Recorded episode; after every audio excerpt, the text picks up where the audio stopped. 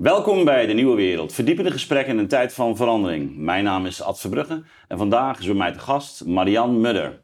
Actrice, schrijfster en therapeut.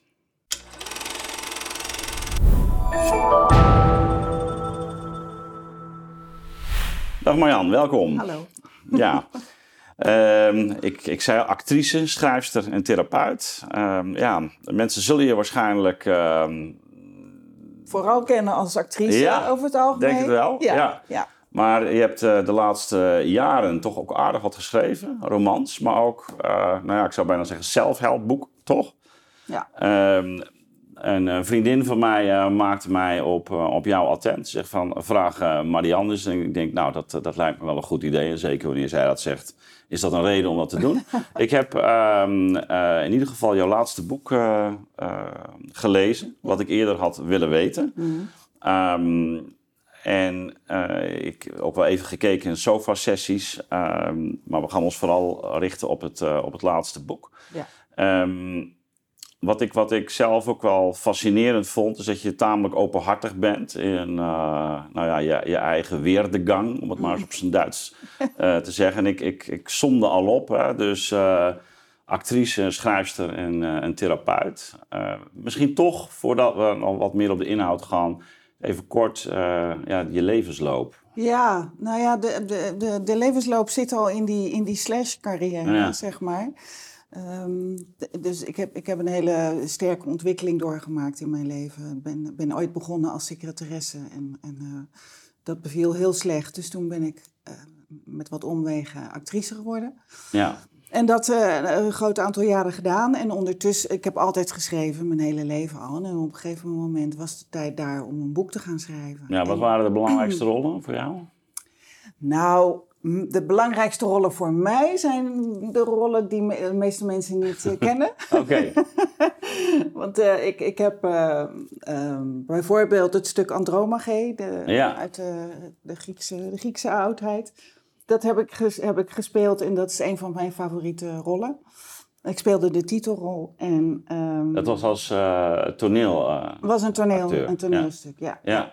En, ehm, ja, en ik heb meer toneelrollen gespeeld die me heel erg eh, aan, nou, aan het hart liggen. Mensen, kinderen met Kees Hulst. En, eh, maar de meeste mensen kennen me natuurlijk van, eh, van, van Vrouwenvleugel, maar vooral van Baantje. ja. En, en daar heb ik natuurlijk ontzettend veel aan te danken. Dat, Ja. dat heb ik heel lang gedaan en dat heeft heel veel deuren voor mij geopend. Dus die zijn ook heel belangrijk. Ja, nou, eh, laat, laat ik daar meteen op inhaken, want je refereert er ook aan in, in, in je boek. Ehm, en dat je op een goed moment eh, eigenlijk ook kampte met, eh, nou ja, zowel eh, angst als eh, ja, toch ook minderwaardigheidsgevoelens. Ehm, en dat, dat jij op een goed moment, dat dat je zo in de weg stond, dat je eigenlijk ehm, ja, de voorkeur ook gaf aan televisie.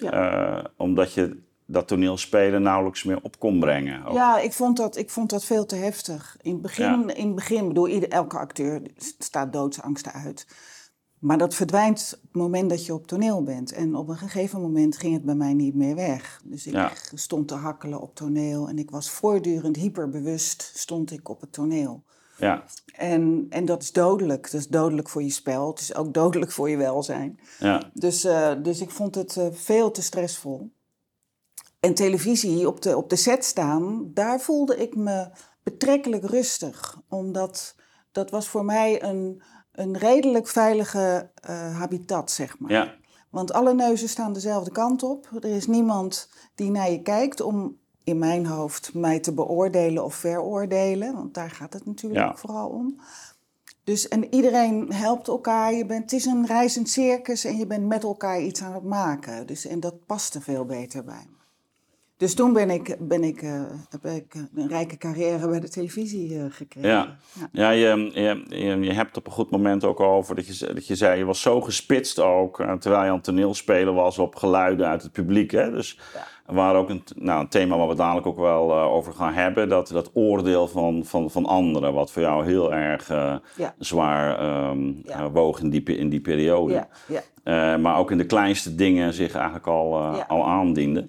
Ehm, je vertelt ook dat je op een goed moment ehm, eh, een, ehm, ja, de, schakel, de schakelaar omzetten. Ik meen dat het op eh, vakantie was, was het niet in Italië? Ik ben even kwijt waar het was, maar in ieder geval dat je in een hotel zat. Ja, toen ja. de sabbatical van mijn hoofd ja. kwam. Ja, ja. Nou, daar was wel het nodige aan vooraf gegaan. Dus ik, ik had al, ik had al grote crisis, eh, met een rouwproces, slash beetje burn-out-achtig gebeuren. Maar het ging niet zo goed met me, zeg maar. Hoe oud was je toen? Uh, toen was ik, uh, denk 49. Oké. Dus uh, toen was ik al ja. een eind op weg. Zeg ja, maar. precies. En uh, dus ik, ik had groot, groot verlies geleden en, en, en het werk stopte. Dus dat was ook heel zwaar. Dus alles, mijn hele leven stortte nou, eigenlijk in. Dus ja. ik dus ik, was, uh, ik ben meer dan een jaar zwaar depressief geweest. En ik zat depressief in die hotelkamer. Ja. Want ik, uh, ik was naar Wenen gegaan voor... Oh, Wenen voor, voor, Ja, voor Klimt. Ja. Voor Klimt voor, vanwege de schoonheid en de troost. Ja. En, uh, en ik zat op die hotelkamer. Het regende heel hard. Dus ik, ik had geen zin om naar buiten te gaan. Dus ik zat daar op bed een beetje naar buiten te kijken. En ondertussen hoorde ik mijn eigen gedachten, die ik heel goed ken. Maar opeens hoorde het, was alsof ik ze vanuit een andere dimensie hoorde. En, en ik hoorde hoe ze tekeer gingen tegen me. Een hele strenge, negatieve stem die, hm me, ik, ik, kreeg de schuld van het feit dat ik me zo slecht voelde. Uh, het was mijn schuld dat het met mijn carrière niet goed ging. Het was mijn schuld. Alles was mijn schuld. En ik moest heel hard gaan werken om alles weer in orde te maken. Maar ik was op dat moment, want ik, ik heb me eigenlijk uh, uh, voor het eerst van mijn leven ook heel erg overgegeven aan, aan die depressie en aan dat hele slecht voelen. Mm -hmm. Dus tegelijkertijd wist ik, dat kan ik helemaal niet. Ik, ik kan mijn schouders er helemaal niet meer onder zetten. Dit, ik, ik, ben nog, ik ben niet in orde. Want dat had je eigenlijk maar voorheen wel altijd gedaan. Ja. Zo van een tanden heel, op elkaar en precies, door, doorgaan. altijd heel erg... Ik heb altijd heel hard gewerkt om, omdat er altijd een, een, een heel wankel evenwicht was tussen uh, word ik depressief of niet. Weet je wel? Dus het, ik, ik dat had, voelde je gedurende die jaren al eigenlijk? Ja, ik had ja. altijd een beetje een milde depressie als ik niet ja. uit, uitkeek.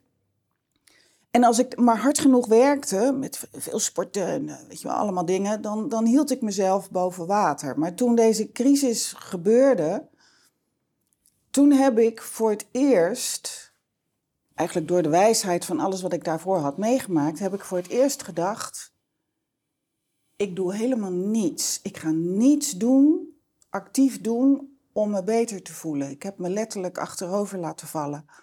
En ik heb de pijn toegelaten. En hm. dat is het begin van mijn herstelproces geweest. Omdat daarvoor was ik altijd bezig met, ik moet me goed voelen, ik moet me goed voelen. En nu dacht ik, ik ga me gewoon eens heel erg slecht voelen, want misschien dat ik het dan eens structureel oplos. Dus ik, ik, ik ben gaan voelen, ik, ben de, ik heb de pijn toegelaten en toen ben ik heel zwaar depressief geworden. En lang verhaal kort, daar ben ik ook vanzelf weer uitgekomen. Dat moest ik uitzieken. Maar in die hotelkamer, daar was ik me op voor het eerst bewust van die hele negatieve stem. En dat ik dacht, waarom moet ik eigenlijk doen wat deze stem zegt? Terwijl daarvoor deed ik alles wat die stem zei. En, en dat was echt een soort realisatie dat ik dacht, ik, ik, ik, daar hou ik eens even mee op met luisteren naar wat die stem zegt. Want ik kan het helemaal niet. En, en dat vond ik ook heel spannend, want ik dacht echt, ik was zo geïdentificeerd met mijn denken, dat ik echt dacht van mijn leven, ik, ik, alles loopt in het honderd als ik niet meer doe wat mijn stem zegt. Dan eh, betaal ik mijn rekeningen niet meer en dan weet ik veel wat er gebeurt. Dus ik vond het heel spannend. Maar toen kwam ik erachter dat dat eigenlijk dat alles gewoon doorging. Als ik, en dat ik dat stemmetje gewoon kon laten lullen. En dat ik prima in staat was om nog steeds verantwoordelijkheid voor mijn leven te nemen. Ja, dat, dat is ook eh, het moment, uh, zo begrijp ik uit je boek in ieder geval, waarop uh, het schrijven echt doorbrak. Ja, ja want toen, omdat ik, omdat ik mezelf veel meer ruimte gaf om iets te mogen doen, in plaats van te moeten doen, toen ben ik mijn eerste boek gaan schrijven. Wat ik al, al langer wilde, maar ja, natuurlijk nooit tijd. En dat was, dat was een roman? En dat was een roman. En die heette met de toepasselijke titel Geluksblind. Ja. Ja. En, eh, ehm, en dat, bedoel, ik vertel het nu alsof, alsof ik van de ene dag op de andere een soort in een verlichte staat was. Zo was het niet. Maar het was wel een, een, een grote stap in mijn bewustzijn dat ik me realiseerde, ik, die, die stem, die is niet goed voor mij. Ja. Um, wij hebben uh, als Nieuwe Wereld ook een, een uitgeverij. Uh, recent hebben we het boek uitgegeven van Byung-Chul Han, de palliatieve maatschappij. Ja.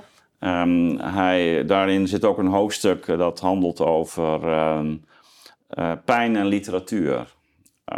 nou komt dat thema van pijn ook in jouw boek eh, voor. En je maakt ook het, eh, een mooie onderscheid, wat bij Han overigens niet is uitgewerkt uh, tussen pijn en lijden. Dat is meer vanuit de boeddhistische traditie, ja. neem ik aan. Ja. Um, gaan we dadelijk nog, ook nog even over hebben, over dat belangrijke onderscheid. Ja.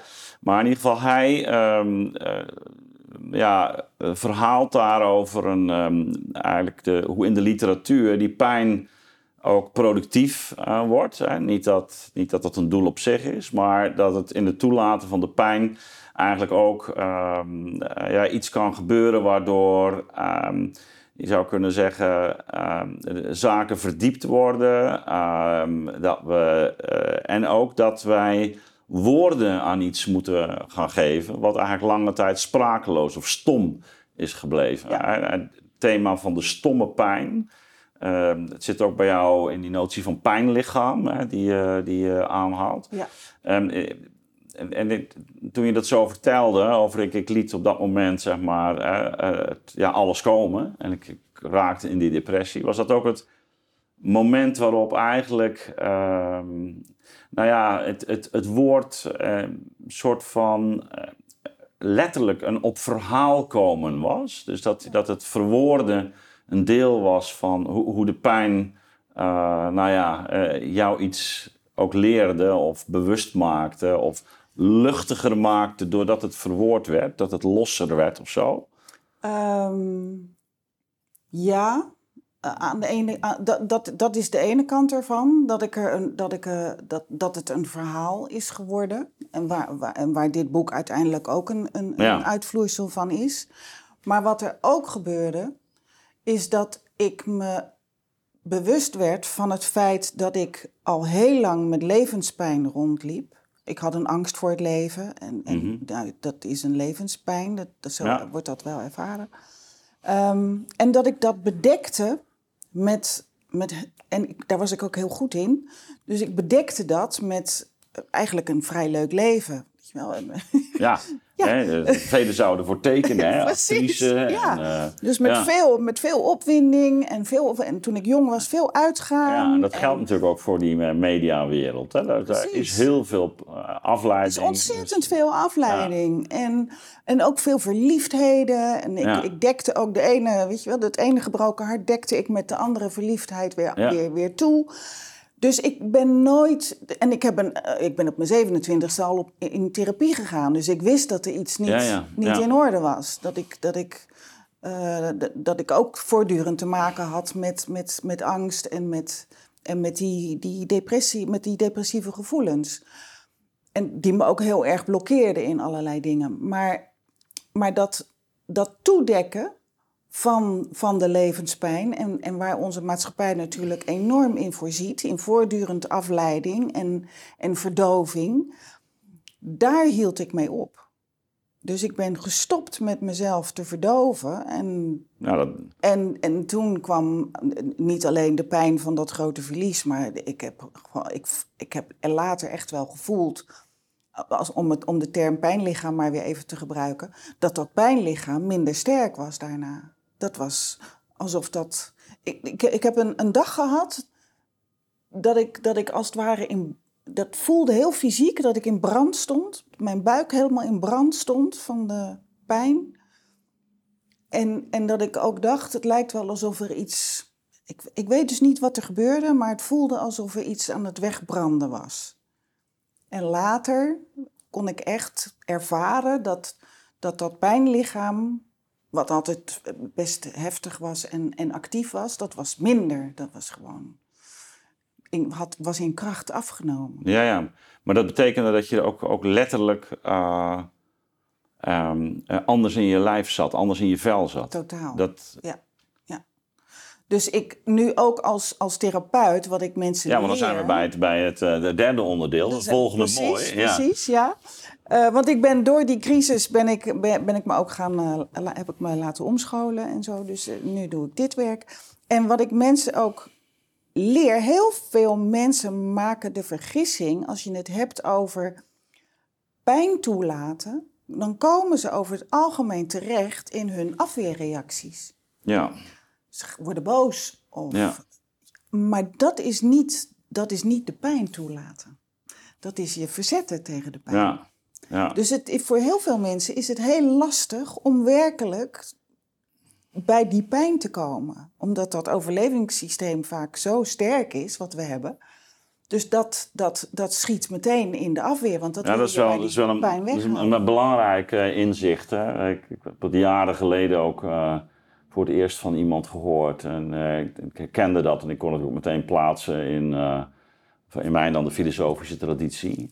maar die zei me van woede is niet de laatste emotie. Nee. Dat vond ik een hele mooie uitdrukking. En, en woede uh, in, de, in, de, in het Griekse denken is, wordt verbonden met, met de thumos, met uh, ja, het, het, gemoed, maar het is ook moed. Het, het, het is eigenlijk ehm, dat deel wat, wat ehm, ook ons in staat stelt om iets heel nobels te doen. Um, het, het, komt enigszins overeen met wat je dat, dat die limbische hersenhelft noemt. Hè? Dus de, de plaats waar de gevoelens en ja, aangrijpen. Maar het interessante is, en ook dat sluit denk ik aan bij de boodschap die jij ook in, in het boek hebt. Um, dat Aristoteles ergens in de Politica, een boek over politiek, schrijft: um, De thumos is het vermogen waarmee wij lief hebben. En het is dat vermogen waarmee we lief hebben, wat dus tegelijkertijd, dus, als het gedeformeerd raakt, ook kan leiden tot vormen van, van boosheid of woede, die eigenlijk destructief zijn. Ja. En dat, bedoel, voor hem is ook kalmte of bedaardheid ook belangrijk. Niet dat je, je mag best boos zijn, maar je moet niet je erdoor, hè, want het is zelfs belangrijk dat je op bepaalde momenten je grenzen kunt aangeven en kunt Zeker. strijden voor datgene uh, uh, wat, je, wat je aan het hart gaat. Zo vertaal ik hem Ja. ook vaak. Hè? Ja, dus ja. wat je aan het hart gaat. Ja, ja. Hè, dus dat betekent zeker, zeker niet een soort uh, nou ja, ge- gevoel, gevoelloze uh, meegaandheid. nee, maar wel zo dat je um, ja, je het inderdaad niet, niet door op hol laat brengen. ja, en ook niet een ander ermee schaadt. Want dat Ja. is in veel gevallen ook, ook aan de hand met woede. Ja, Dat, ja. dat de ander beschadigd wordt. En woede kan zich ook tegen jezelf keren.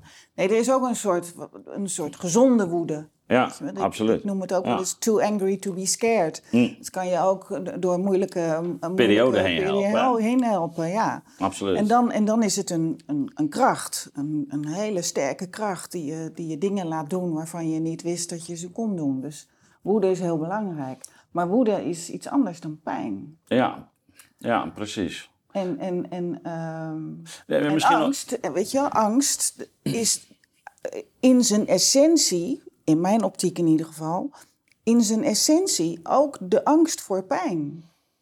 Weet je, we kunnen bang zijn om te falen, of eh, we, we, hebben we, noemen er, we geven er allemaal namen aan, Mhm. aan, aan die angsten, maar het is allemaal hetzelfde. Het is angst.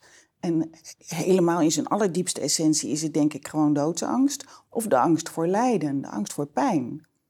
Want als we afgewezen worden, dan ervaren we dat als een, als een pijn. Dus we zijn bang voor pijn. Ja. Als je, Nee, als ab, je- ab- ik, ik, heel herkenbaar. Ehm, het brengt allerlei gedachten weer bij mij eh, op natuurlijk. Ehm, bij- Aristoteles, ik haal hem heel vaak aan, ook hier, maar het speelt eigenlijk ook bij Plato, waar het gaat om de kardinale deugden. Eh, en ik heb me dat altijd eh, afgevraagd, van waarom beginnen ze nou altijd met moed? En, ehm, maar ook wel gerealiseerd, het, het, is een krijgerachtergrond, er zit, eh, dat heeft ook te maken met de specifieke Griekse samenleving. Maar de andere kant is dat dat, dat fenomeen van phobos, hè, wat wij, onze fobie, En dat is ehm, zo fundamenteel, en ik denk dat we gaandeweg ook wel gaan zien, dat dat op orde brengen van je angsten, hè, dus, dus uh, dat dat eigenlijk een heel fundamentele opgave is. En dat ja, heel veel ondeugd, uh, zoals het bij, bij hen wordt genoemd, of slechtheid, maar dan niet alleen, uh, maar, maar teweeggebracht wordt door um, een, een eigenlijk een verkeerde angstregulatie. Ja. te heftig voor de verkeerde dingen. In de, in een, um, uh, op verkeerde momenten, ja. uh, waardoor verwarring ontstaat. Hè. Dat is bij hen ook heel wat verwarring, waardoor je dus dingen gaat doen die, uh, ja, die schadelijk zijn voor, voor anderen, maar ook voor jezelf. Dus het, eigenlijk het leven dat in de war raakt. Ja. En, um, en dat die moet dus inderdaad, dat deel wat, wat jij ook verbindt met dat, uh, dat reptiele brein, dat, dat, dat, die overlevingsstand, dat die heel ja, uh, destructief kan worden. Ja, totaal. En ik, wat ik, ook in, in, ik zie het ook als een, als een maatschappelijk probleem, die angst. Dat veel te veel mensen te Absoluut. bang zijn. Ja. En, en, en um, aan pijn is niet zoveel te doen. Uh, aan levenspijn wel, want als je, als je je angst oplost, dan heb je minder levenspijn. Maar er gebeuren natuurlijk altijd dingen in het leven die pijn ja. doen. Dat, ja. dat, dat is een gegeven. En als, als, als we het voor elkaar zouden krijgen, en ik vind, en daarom noem ik het boek ook wat ik eerder had willen weten, omdat ik echt denk dat het iets is wat je kan leren, wat je al op jonge leeftijd mee bekendgemaakt kan worden. En, en uh, nu ben ik even de draad kwijt. Maar. Uh, Nee, dus, dus, je, nee, dus je had het over die, uh, dat, dat de pijn is een gegeven. Ja. En, en dat die, die angst... Maar op, ja, ja, dat wilde ik zeggen. Ja. Dat, dat wanneer er uh, pijnlijke dingen gebeuren in het leven, dat we daar minder bang voor zijn, omdat we weten hoe we ermee om moeten gaan. Mensen weten niet meer hoe ze met hun negatieve gevoelens om moeten gaan.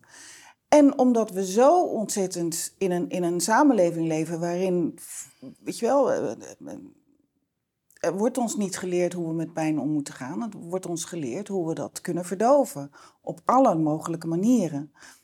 Gewoon in, in gezellige dingen, zeg maar. Maar ja. ook vanuit, vanuit, uh, vanuit de, de, medische wereld. Het gaat alleen maar over verdoven. En het, ja. en het sussen van symptomen. En het onderliggende probleem, dat blijft. En, en, en daar wordt niks aan gedaan. Ja. En dat is in mijn optiek voor een heel belangrijk deel angst. Um, ik kom daar dadelijk nog op terug, maar eerst even uh, die overstap naar, uh, naar jouw uh, of de, naar de huidige levensfase, hè, dus als, als therapeut.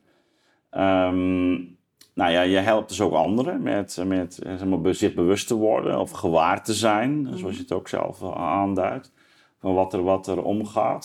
Je, hebt, je ontwikkelt hem, nou ja, ook, ook in je boek een, een, ook een laten we zeggen, een bepaalde methodiek of in ieder geval uh, wegen, laat ik het maar zo uh, uh, schetsen. Ja. waarop je nou, in ieder geval dichter bij jezelf komt. en ook die zelfaanvaarding als, als toch een van de centrale opgaves kunt, kunt realiseren. Ja. Um, nu sprak ik jou zo even over die gebeurtenis in Wenen op die hotelkamer. Um, en uh, je, uh, je merkte op dat je op dat moment eigenlijk uh, gewaar werd van die stemmen. Dat je die, dus dat dat, dat, dat van mijn dat ego, ja. ja. ja. En, is het ook zo dat dat, laten we zeggen, naar de ervaring zelf kijkend, iets, iets wat je toen opviel, of had je het had je het eerder gehoord en, en he, begon je te herkennen? Of ja. wat, wat, was de, de ik, beweging? Ik, ik, heb, ik heb daarvoor heb ik uh, zoveel boeken gelezen en, en, en, workshops en God mag weten wat allemaal gedaan. Beschrijf ik allemaal in zoveel Ja, precies. Dat zijn die... Uh, ja. ja. maar, maar het begrip ego, dat kende ik natuurlijk wel, maar dat ja. bleef een concept, zeg maar. Omdat ik zo in mijn denken zat. Ik, was, ik, ik, ik durf wel te zeggen dat ik verslaafd was aan denken. Dus ik leefde in mijn denken. En dat ik voor het eerst, dat ego stond opeens los van mezelf. Dus kon ik er naar kijken. Dat, dat, is, dat is een heel belangrijk moment geweest.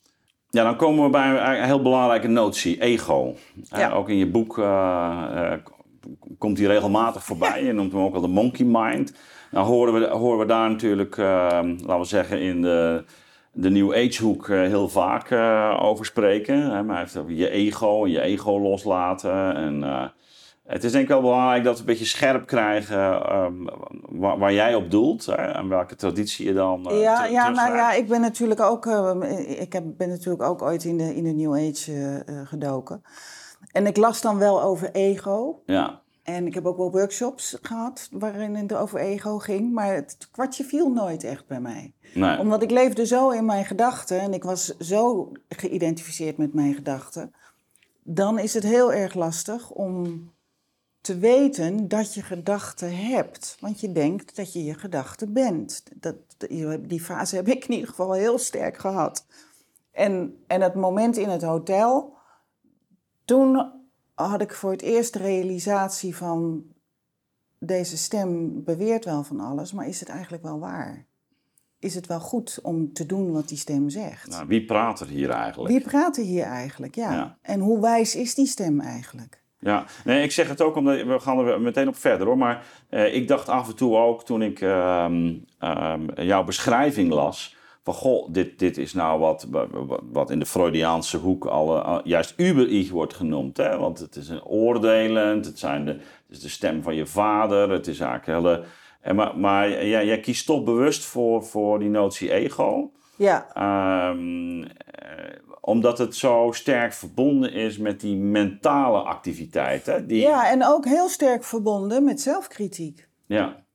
Want dat is, dat is natuurlijk waar ik het meest last van heb. En dat is waar de meeste mensen heel erg last van hebben. Is dat, is dat die stem voortdurend iets te mekkeren heeft over jezelf. En over alles wat je doet. Waardoor het ontzettend blokkerend is, ten eerste. En ten tweede, word je er bang van.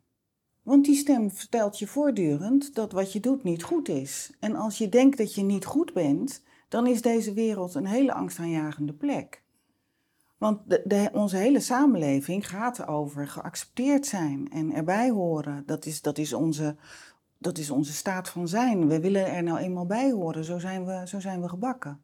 Ja, dus, dus je, je, je ging eigenlijk, je deed een stap terug. En, je, en, en dat is ook Um, waar je eigenlijk ook de lezer toe oproept. Hè? Of in ieder geval ook de mensen die, die, die kampen met uh, een bepaald soort uh, nou ja, existentiële of levensproblematiek. Uh, ja. Um, dus die stap terug te doen. Um, zich bewust te worden van door juist afstand te nemen en jezelf gade te slaan. Ja. Dus, dus soort... En je gedachten te observeren. Ik heb, ik heb ook allerlei meditaties gedaan in mijn leven. En ik, ik, ik denk dat heel veel mensen dat wel herkennen. Dat, dat je dan allemaal fouten maakt. En, de belangrijkste fout is dat je denkt dat je hoofd leeg moet worden. Dat het stil moet worden in je hoofd. Nou, forget it. Het gaat niet gebeuren. Dus, dus, dus pas toen ik begreep dat ik moest leren mijn gedachten te observeren. En er niet op te reageren. Dan ontstaat er heel veel rust. Want dan ga je, je ident dan, dan is die identificatie met dat denken veel minder. Ja, maar ja, je, je, je houdt ook de remming eigenlijk terug, of de blokkades. Of de, want er kunnen ook allerlei dingen naar boven gaan komen. Het is juist ook door die ontspannenheid eigenlijk van het toelaten dat er naast die gedachten ook andere dingen op gaan komen. Ja, als je, als je, hoe uh, um, als je niet meer in dat heftige denken zit, dan ga je voelen. en, en, dat heftige dus- denken komt vaak ook voort uit, ehm, uit de neiging om van de pijn weg te willen. Dus om allerlei emotioneel ongemak niet minder te hoeven voelen, gaan we in ons hoofd zitten en gaan we heel erg denken. Gaan we ook denken over wat er allemaal gebeurt enzovoort. Maar op het moment dat je dat, je dat denken wat, wat, wat verder wegzet, dan kom, je, dan kom je veel makkelijker in je lijf en dan ga je weer voelen. Ja, het is dus eigenlijk alsof je minder bevangen bent in één uh, gedachtepatroon. Ja. En, en, en daardoor um, ook de ruimte creëert dat, dat andere dingen binnen te kopen. Dus een soort van openheid die, je, die je gaat uh, ja. creëren. Ja, en, en, en uh, hoe kon jij zelf, zeg maar, want wat, wat deed je? Je kunt natuurlijk, zoals in een, in een therapie, uh, ook nog eens gebeurt, teruggaan naar eh, wat is de bron van die stem? Dat is de, dus de gebeurtenis die misschien uh, aanleiding heeft gegeven tot een bepaalde frase die je bent gaan herhalen, Mhm. gedachten die zijn opgekomen. Mhm. Ehm, de- je opvoeding, eh, de stem van je vader, eh, de, de, de dominee, de strenge leraar, het publiek. eh, Ja. hoe, hoe, ehm, hoe, hoe verhoud je je vervolgens tot die stemmen? Is, is het de bedoeling dat je ze probeert te, te, te traceren, dat je de herkomst probeert te traceren? Nou, wat ik, wat ik doe met, met de therapie die ik doe, eh, en die ik zelf ook heb- uiteindelijk heb ondergaan en waar ik eh, erg veel plezier van heb gehad, is wel degelijk eh, teruggaan naar de belangrijke pijnlijke momenten waarin je, bijvoorbeeld waarin je onbewust de onjuiste conclusie hebt getrokken dat je niet goed genoeg bent, bijvoorbeeld, of dat je niet mag bestaan. Doordat, doordat, je, heel, eh, doordat je op je flikker hebt gehad toen je jong was. Of gewoon omdat je voelde dat, dat je niet zo welkom was, omdat het eh, gezin overbelast was. Of, er kan van, alles, kan van alles aan de hand geweest zijn, waardoor je dat bent gaan denken. Ja, Want wanneer een kind, dat wist ik, eh, was, vond ik ook nogal een openbaring. Wanneer een kind, een klein kind, zich slecht voelt, waardoor dan ook, dan gaat het denken dat het slecht is. Want een kind maakt geen onderscheid tussen zichzelf en de omgeving. Dus daar, daar komen heel veel van dit soort gevoelens uit voort. Gevoelens van ik doe het niet goed, ik ben niet goed. En, en als er dan woorden bij komen, als zo'n kind ouder wordt, dan, dan worden aan die, aan die vervelende gevoelens worden woorden gegeven. En als je, als je eh, teruggaat. Kijk, ik heb, ik heb therapieën gedaan waarbij ik eh, terugging, terugging of ging praten over dingen die vroeger waren gebeurd. En dan, en dan om ging huilen van, oh, want wat was het toch erg. Ik bedoel, Ik heb helemaal niet zo'n slechte jeugd gehad, maar er zijn wel verdrietige Mhm. dingen gebeurd. Ehm, dat, dat helpt niet heel erg. Nu huilen om wat er toen is gebeurd, dat heeft niet zoveel zin. Wat wel zin heeft, is teruggaan naar een moment dat heel pijnlijk was in je jeugd en proberen daar weer te zijn. Onze hersens kunnen Mhm. dat. Wij, onze hersens kunnen tijdreizen. Dus je kan zo'n moment weer helemaal beleven alsof het nu gebeurt. En dan voelen wat je eigenlijk voelde op dat moment. En dan kun je het ontladen. En dan is zo'n zo'n zo'n pijnlijk moment, wat, wat een trigger kan zijn v- voor allerlei eh, eh, eh, emoties Mhm. nu, is, is, eh, is, neutraal, is neutraal. En kan, daarom, daarom kan je niet meer getriggerd worden in, in negatieve gedachten bijvoorbeeld, of in angst. Of in ja want je, je, in, in dat verband ga je ook in op eh, die eh, EFT, hè? Ja, ja. Ehm, je hebt daar zelf ook eh, ervaring mee. Ja. Ehm, was voor jou belangrijk ook Ja. als, een, eh, als gebeurtenis. En, en misschien toch goed om dat eens even uit te leggen. Hè? Want je zegt, ehm, als het spoor even volgen zoals je het nu uiteenzet. eh, eh, je, je, je gaat mediteren of je neemt die stap terug en je, eh, je probeert te volgen eh, wat, er, wat er in je opkomt. ja. Ehm, dan kun je ook eh, ontdekken dat bepaalde thema's eh, je echt parten spelen. Dat, Mhm. dat er dat sprake is van eigenlijk ook pijnlijke gebeurtenissen. Je zegt, nou ja, het gaat er niet om dat je dat uitwijkt, maar dat je ook in die openheid daar eigenlijk ook, dat je dat toelaat. Hè? Dat, Ja. dat het, en tegelijkertijd is die E- EFT, zoals ik het begrepen heb in je boek en zoals jij hem ook inzet, eh, een manier om, om dat pijnmoment, en daarmee ook eh, voor zover die pijn zich in jou genesteld heeft, Mhm. eh, om dat los te maken om er, en om eigenlijk ook ja, van verlost te raken. Ja, met, met E- E- EFT staat voor Emotional Freedom Techniques. En dat Ja. is in feite wel wat je ermee doet. Nou, het is een soort gaat- bevrijding. ja, dus, je hè? gaat naar de pijn. Ja, Ons ego met name, dus ons systeem is zo gebouwd dat we altijd van de pijn weg willen. En daar is ons ego ook heel goed in. Maar genezing, heling van moeilijke dingen, dat gebeurt door er naartoe te gaan. Dus, Ja. en, dan, en, dan niet van, en dan niet de emotie, maar de pijn voelen. En dat, en dat eh, nou, sommige mensen die snappen dat meteen en die zitten daar meteen. Sommige mensen moet ik wat harder voor werken om ze daar te brengen. Maar dat is, dat is enorm helend. En, en EFT gaat dan ook met, met een kloptechniek, waardoor uh, meridianen worden geactiveerd, waardoor de neurologische wegennet wordt. wordt uh, ja, want dat is heel belangrijk. Hè? Dus die, die, eigenlijk die, die repetitieve, repetitieve beweging, die, die de herhaling op bepaalde plekken, die uh, stelt jou eigenlijk in, in staat, of die zorgt ervoor dat, uh, de herinnering wordt anders opgeslagen in je hersens. Waardoor ja, dat die minder... minder ja. uh, Zij is niet, mij zorgt niet meer voor... Uh, je kan er nu niet meer in getriggerd worden. Het is gewoon een neutrale herinnering. Dus, dus om even een... een weet je wel, het makkelijkste is als, als iemand iets traumatisch heeft meegemaakt... dan kun je met EFT dat trauma behandelen. Dus dat kun je helemaal neutraal maken. En dan kan iemand vervolgens daar gewoon aan denken zonder dat ze in de stress schieten. Terwijl nu, weet je wel, post, posttraumatisch stresssyndroom, dat gaat over dat je voortdurend getriggerd wordt in, in dat wat gebeurd is.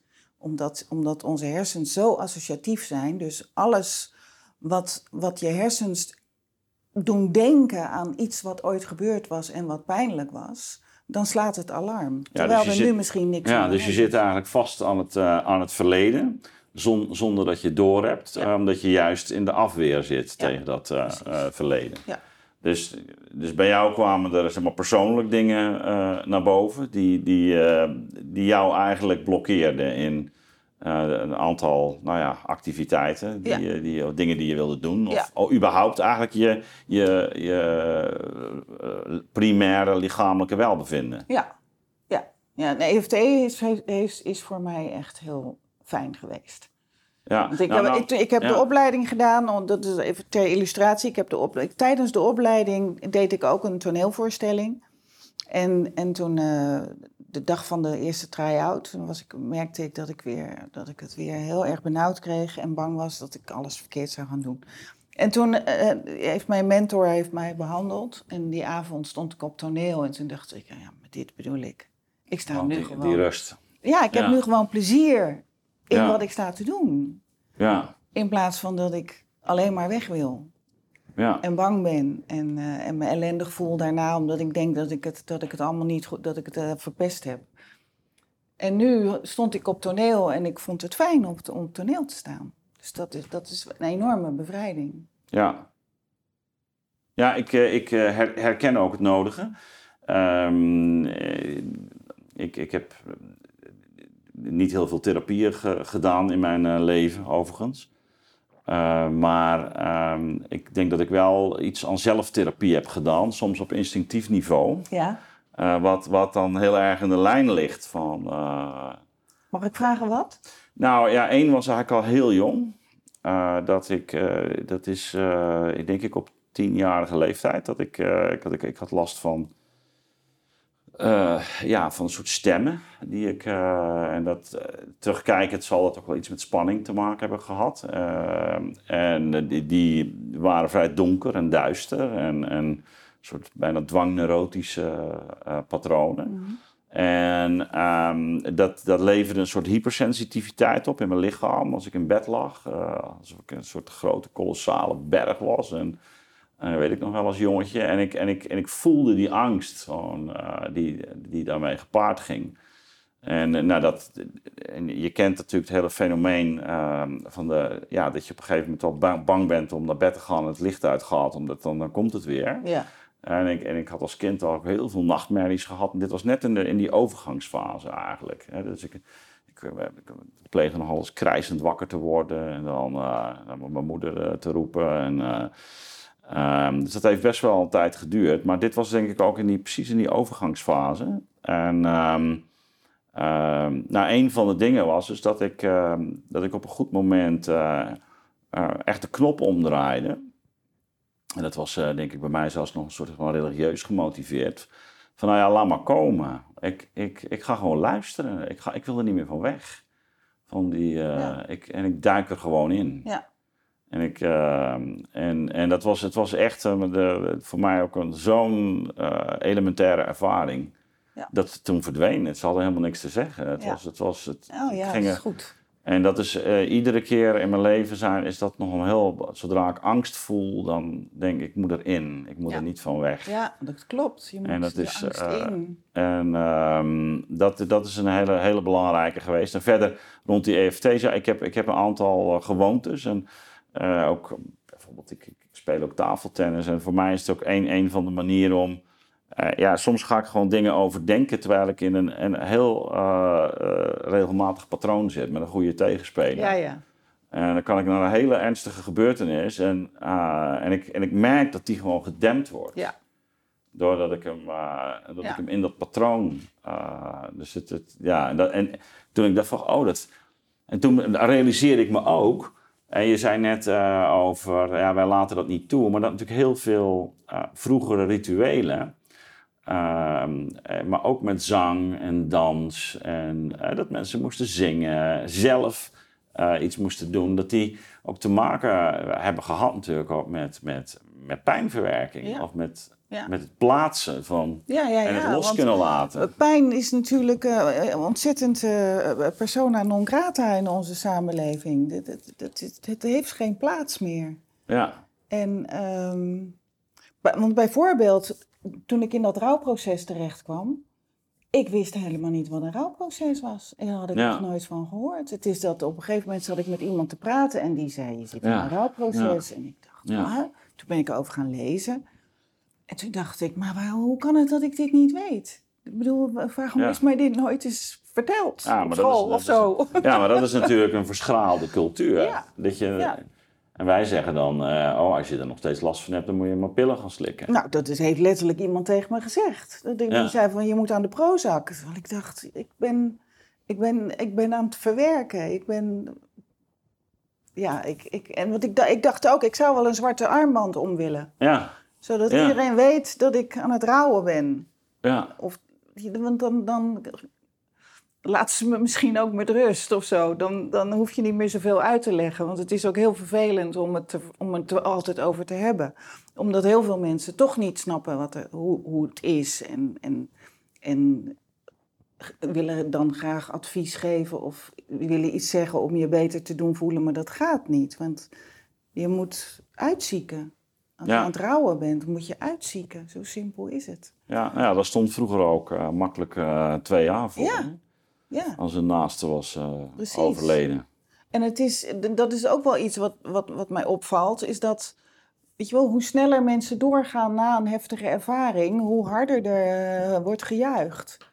Ja. Maar het is helemaal niet gezond. Ja. Het is goed om.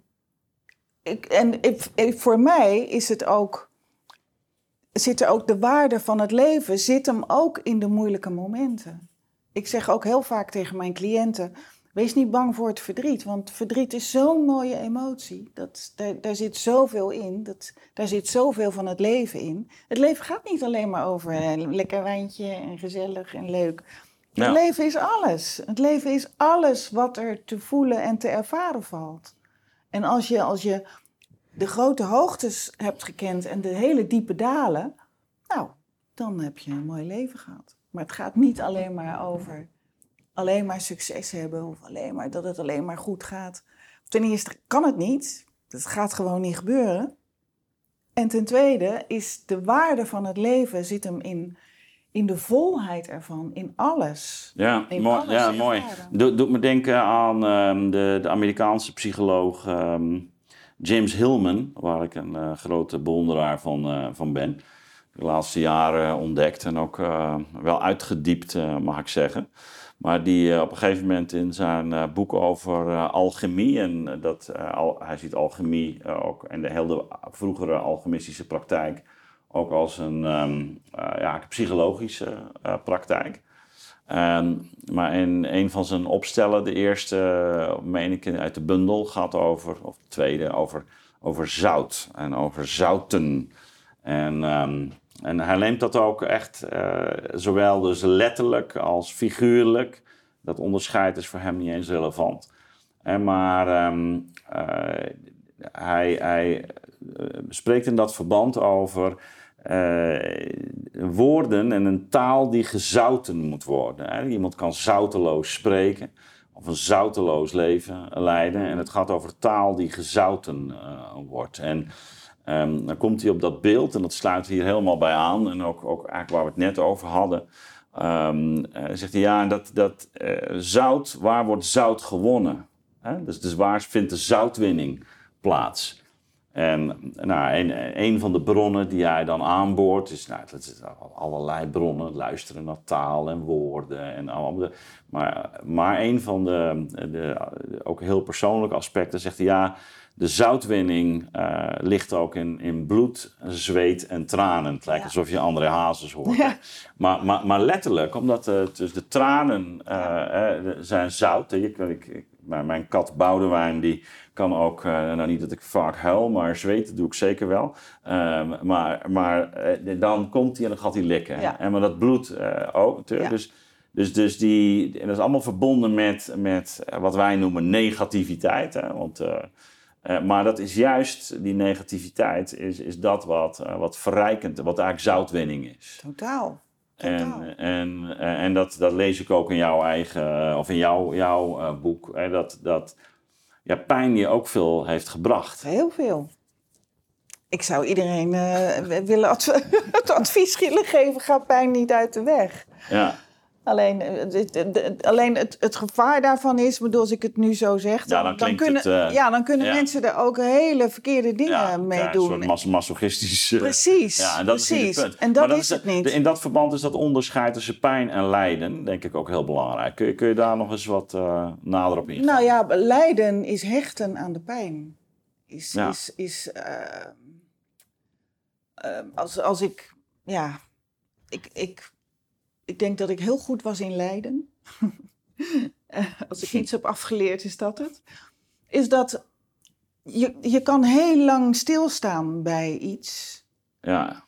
Uh, ik, ik vind een, een, een groot verlies, dat vind ik, dat is iets anders. Dat, ja. Zo'n rouwproces, dat heeft echt tijd nodig.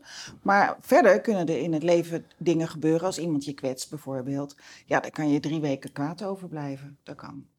Ja. Je kan ook na vijf minuten denken, nou, weet loslaten. Je, ja, loslaten en we gaan weer verder. Ja, sorry, oké, klaar. En het is weg. En het lijden ontstaat door, vaak ook door het denken, erover te blijven denken en het te, willen blij, te, te, willen begrijpen en heel erg te denken over de ander en over jezelf. En, en daarmee hou je in feite het lijden in stand. Terwijl de pijn was eigenlijk maar heel kort als iemand iets heel, even iets vervelends zegt of iets, iets naars doet of zegt. Dat, is een, dat doet wel pijn, maar als je dat voelt, dan kan je het ook heel snel loslaten. Op het moment dat je, dat je er naar, heel erg naar gaat kijken en, en, en er iets mee wil doen. En eigenlijk, als je er actief van af wil komen, dan, dan ga je eigenlijk al een beetje de mist in. Want dan ga je er een verhaal van maken. En dan ontstaat dan ontstaat het lijden. Het lijden zit wel heel erg in het denken erover. Ja, tegelijkertijd, uh, je, je, zit denk ik op een, op een tweespalt. Hè? Want, want um, je, je gaf ook al aan, uh, het toelaten van de pijn kan ook betekenen dat je op verhaal komt. Hè? Dus, mhm. dat er, dus ik heb ook wel, uh, gewoon bij mezelf terugdenken, dat je echt wil begrijpen. Maar het moet, ik denk dat het punt wel is dat je... Um, het moet ergens toe leiden. Of zo. Of het moet, het, het, en, het, en wanneer de cirkel alleen maar is van opnieuw, opnieuw. Precies. Dan word je ook niet verrijkt. Nee. Dan, ik, laat je het ook niet los. Hè. Dus het. Dus maar het soms, is het, het, piekeren, het malen, het, over, doorblijven ja. zagen. En dat, dat, dat, dan ontstaat er lijden. Maar als je in staat bent om er op een goede manier over te denken waardoor het je iets brengt, dan is denken fantastisch natuurlijk. Ja, ja. Ja, want, eh, want een, een van de uh, dingen die ook onderscheidt, en dat houdt hier verband mee, uh, is het gevoel en de emotie. Ja. En kun je daar nog eens wat nader op, op ingaan? Nou, de emotie is een reactie op het gevoel. En dat wat je voelt is iets anders dan de emotie. Dus als jij um, geraakt wordt door iemand, als iemand jou kwetst, dan kan je dat echt als een pijnscheut voelen. Voelen, ja. En vervolgens reageer je daarop. Door, door welk mechanisme dan ook. Dan, kom je in het patroon. Dan kom je in een patroon terecht. Dan kom je in je afweermechanisme terecht. Om om te gaan met, met die pijn. En dat is bij iedereen anders. Het is maar net wat je geleerd is in je leven. En hoe je dat geleerd hebt. Dus de een gaat zich aanpassen. Je gaat zeggen, oh sorry. En de ander die wordt woedend. En weet je wel, iedereen heeft een ander, een ander systeem om met pijn om te gaan. En het is eigenlijk dat systeem van, om met die pijn om te gaan, wat het lijden veroorzaakt. Omdat je bijvoorbeeld um, het, het, het, aanpassingsgedrag, als je een hele, hele heftige pleaser bent, nou, dat, dat, dat kan voor hele grote problemen zorgen in je leven. Omdat je voortdurend bezig bent met anderen naar de zin te maken. Je kan er fysiek ziek van worden. Omdat je geen aandacht aan jezelf besteedt. Omdat je niet, voor, niet goed genoeg voor jezelf zorgt. Um, dus dan, dan ontstaat er heel veel lijden. En ook als je, als je heel kwaad altijd aan de ander de schuld geeft, altijd de ander verantwoordelijk stelt voor je eigen emotionele ongemak. Dat, dat is uiteindelijk ook een weg van lijden. Voor, ook voor de ander, maar ook voor jezelf. Want het is helemaal niet fijn om altijd kwaad te zijn. En om voortdurend uh, kwaad te zijn op de wereld en te denken dat je, dat, dat je iets aangedaan wordt. Dus dat, dat, dat is het, het lijden wat ontstaat uit de pijn die je voelt, maar die je, ja. waar tegen je je verzet. Ja, nou, dus, dus ook hier is, eh, vind ik, leg ik het voortdurend langs die, die, die lat ook van dat Griekse denken. En het, het, het, het, aardige is, uh, Aristoteles uh, spreekt inderdaad over pathos. En in het pathos ligt pijn en, en, en, en, en genot. Hè? Dus, dus bijvoorbeeld bij de woede is de kleinering is het pijnlijke dat, is de, de, de, dat is ook natuurlijk wat je voelt.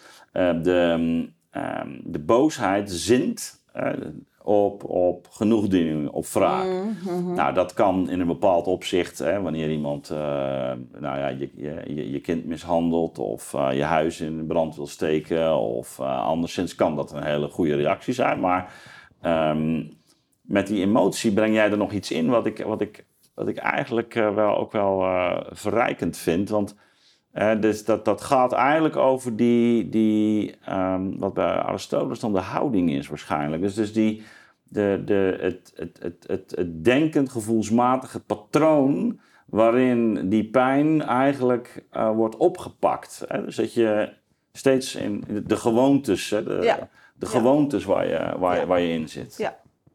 Ja, want het zijn uiteindelijk zijn het stressreacties. Ja. Je voelt pijn en dan ontstaat er in je brein een soort stressreactie. En, en vervolgens ga je je op een bepaalde manier gedragen. En, en de manier waarop je je gaat gedragen, dat heb je aangeleerd. Dat heb je afgekeken van je ouders of van andere belangrijke mensen. En het goede nieuws is dat je dat af kan leren. Dat is heel fijn. Ja. Dat je dan vervolgens gewoon de pijn kunt voelen en daarbij kan blijven. Ja, en, en dan is het ook vrij snel weg. En, en laten we inderdaad ook die de rest niet vergeten, hè, want anders wordt het een, een heel sombere gesprek. Want uh, het is inderdaad ook de dingen waar je vrolijk van wordt. Hè? Dus ja. dat benadruk je ook, van uh, uh, de, de, de, de vreugde die je kunt ervaren. Ja, dat je eigenlijk ook dat weer leert voelen, van waar word je ja, eigenlijk blij van. Hoe, hoe, meer je voelt, hoe, hoe meer je ook in staat bent om het goede te voelen. Ja. En om te genieten van van het leven en van, van al het moois wat er ook is. Je kan eh, enorm, eh, vooral als je bang bent, zijn mensen vaak geneigd om alleen maar te kijken naar, wat, naar waar ze bang voor zijn. Het creëert een enorme tunnelvisie. Absoluut. Terwijl er natuurlijk ook heel veel goeds is, nog altijd in de wereld. En, en, en, en er is altijd heel veel om van te genieten. En als je daar als je daar dat denken, of die, e, dat ego, dat had ik in ieder geval, dat, dat was nooit zo heel blij. Maar, ehm, maar als, ik, als dat een beetje weg was, dan kwam ik in een, andere, in een ander bewustzijn terecht. Ja, en dat is, dat is heel vaak van een groot geluk. Want dan ervaar ik, ik, hou heel erg van de natuur, dan ervaar ik de natuur. En dan, uh, ja, dan loopt mijn hart over. Ja, maar, maar dat is ook wel een boodschap. Hè? Het is ook een soort uh, generositeit die, eh, die daaruit uh, volgt. Want ik, ik geloof heel erg, weet je wel, het klinkt altijd zo, zo vaag en zweverig. Van je moet je, moet- je, moet, je hart laten spreken of je moet eh, vanuit je hart leven. Vind ik altijd, vind ik altijd eh, een lastige. Maar uiteindelijk eh, moet ik bekennen dat het wel waar is. Want als je. Alleen het is, heel, het is heel lastig om het uit te leggen. Want het hart heeft eigenlijk niet zoveel woorden. Het is, voor mij is het veel meer bewustzijn. Dat, dat ik in een. In een eh, dat, ik, dat ik nu een, een ruimer bewustzijn heb dan alleen maar dat denken. En dan kom je al snel ook bij het hart. En dan. En dan, ja, dan voel je gewoon meer liefde. En ik denk dat dat wordt bedoeld met dat je je hart moet laten spreken. Dat ego gaat heel erg, eh, over het algemeen heel erg over angst. En kijk uit en, en kritisch. En, en als, als, dat, als dat een beetje wegdrijft en je komt bij meer bewustzijn terecht... dan kom je ook bij meer liefde terecht. Bij een meer liefdesbewustzijn terecht. Maar En we- dat is eh, buitengewoon... eh, We hebben daar natuurlijk ook hele mooie uitdrukkingen voor. Hè? Dus, eh, dus, dus inderdaad wat je aan het hart gaat, hè, maar, waar je, maar ook die ruimhartigheid. Hè? Ja. Het is een soort ruimte die... eh, Ja, of wat ik net zei, weet je wel, mijn hart loopt over. Ja, Dat, dat gevoel, dat, dat ken ik heel goed. Weet je wel, als ik mijn kat zie, dan loopt mijn hart altijd over. Ehm, ja, af, af- afsluitend. eh, je bent dus ook werkzaam als, eh, als, therape- als therapeut. Ja. Ehm, wat, wat heeft jou... Dat, dat is eigenlijk iets van die generositeit. Hè? Dat je een deel van wat je zelf hebt ervaren... eh, waar je van geleerd hebt... wat je woorden hebt gegeven... dat je dat eigenlijk ook terugschenkt aan de wereld. ja, ja. Ehm, wa- wa- wat, wat krijg jij daar omgekeerd voor terug? Heel veel. ja, heel veel. Ehm, heel veel ontroering. Eh, ik heb eh, op dit boek ongelooflijk veel reacties gekregen in, in de vorm van mailtjes en berichtjes en, eh, alle, en hele levensverhalen. En mensen die zeggen, ik heb al honderd boeken gelezen en nu snap ik het eindelijk. En dat is, dat is ontzettend fijn. Dat, het- dat ik het gevoel heb dat ik iets, iets, een heel klein beetje kan doen Nu, voor nu, andere nu, nu ben je geen, eh, laten we zeggen, reguliere eh, psychotherapeut. Eh, je hebt wel de, de nodige therapeutische sessies doorlopen. Ja, zo, weet er wel je wat van, leven. zeg maar. Ja, ja. maar wat, wat, wat maakt deze benadering nu, nu anders? Ik herken er veel in van eh, ook deels Oosterse wijsheid die je Ja. daarin eh verwerkt. Nou ja, het is, het is in die zin anders dat ik voorheen heb ik heel veel eh, therapieën en god mag weten wat gedaan. En, maar dat bleef allemaal op cognitief niveau. Dus cognitieve gedragsverandering en dergelijke. En voor sommige mensen werkt dat misschien wel. Alleen dan, dan kom je niet bij de pijn terecht. En de pijn is de oorzaak van het probleem. Dus heel veel therapieën die richten zich op symptoombestrijding Mhm. zoals natuurlijk ook pillen enzovoort. Het gaat over het bestrijden van de symptoom. Angst is een symptoom. En dat wordt veroorzaakt door het probleem. En dat is namelijk een verdrongen pijn. Een pijn die je ooit hebt gehad en die je niet meer wil voelen. En, en dat hele systeem, dat, die hele computer die ons brein is, die zorgt ervoor dat je dat niet nog een keer voelt. En dat is waar we last van hebben. Want dat genereert allemaal gedrag en noem alles maar op. Dus mijn eh, filosofie en mijn therapie gaat heel erg over iemand naar de pijn brengen, dat weer ervaren en dan kan het zich ontladen. En vervolgens, weet je wel, dat is niet met één, één situatietje eh, voor elkaar. Daar heb je, bij, sommige mensen hebben daar heel lang voor nodig en sommige mensen zijn heel snel iets van, oh, Eureka. Maar dat is, dan, dan haal je, dan haal je eh, de angel eruit. Hoe, hoe, hoe re- reageert, eh, de, laten we zeggen, de reguliere... Ja, eh, verrassend genoeg eh, goed. Ja? ja, dat is heel fijn. Ik was laatst kreeg ik een bericht van een, een psychiater die zei ik, dat hij aangenaam verrast was door het boek en dat hij ook vond dat, er, dat daar ook binnen de psychiatrie meer aandacht voor zou moeten zijn, dat het meer moet gaan over over het gevoel en zo. Ook hoe, hoe Ja. psychiaters worden opgeleid. Dat is ook heel erg vanuit diagnose en, en pillen en symptoombestrijding. Maar dat, dat het, het spier. Want wat ik eigenlijk in het boek doe, is dat ik de psychologie, neurologie en spiritualiteit. Ja, die neem je bij, bij elkaar. Ja, daar maak ik een beetje één pakket van. En, en met name dat wordt, wordt omarmd, omdat ehm, heel veel mensen verdwalen in de, in de spiritualiteit. Ja. Als je geen kennis hebt van psychologie of van neurologie, dat er zoiets is als je moet gewoon loslaten. Dat kan niet altijd, omdat we zo niet gebouwd zijn. Dus dat, dat is belangrijk om te weten, want dan weet je ook hoe je het moet aanvliegen. Dus, dus vanuit de reguliere hoek uh, krijg ik uh, verrassend veel uh, bijval. Dus dat is fijn. Ja, nou, ik vond het mooi hoe je die verbindingen legt. En ik denk ja, allereerst al dat, dat wanneer mensen zich bewust worden van dit soort patronen. Ja, dat, dat, vind ik met name heel belangrijk. Kan, uh, ja, kan werken. Die bewustwording, dat, dat is, uh, dat is mijn, uh, mijn missie eigenlijk. Dat vind ik heel belangrijk. Oké, okay, nou ik, ik dank je voor je komst. Nou, ik vond het heel leuk. Dank je. Oké, okay, dankjewel.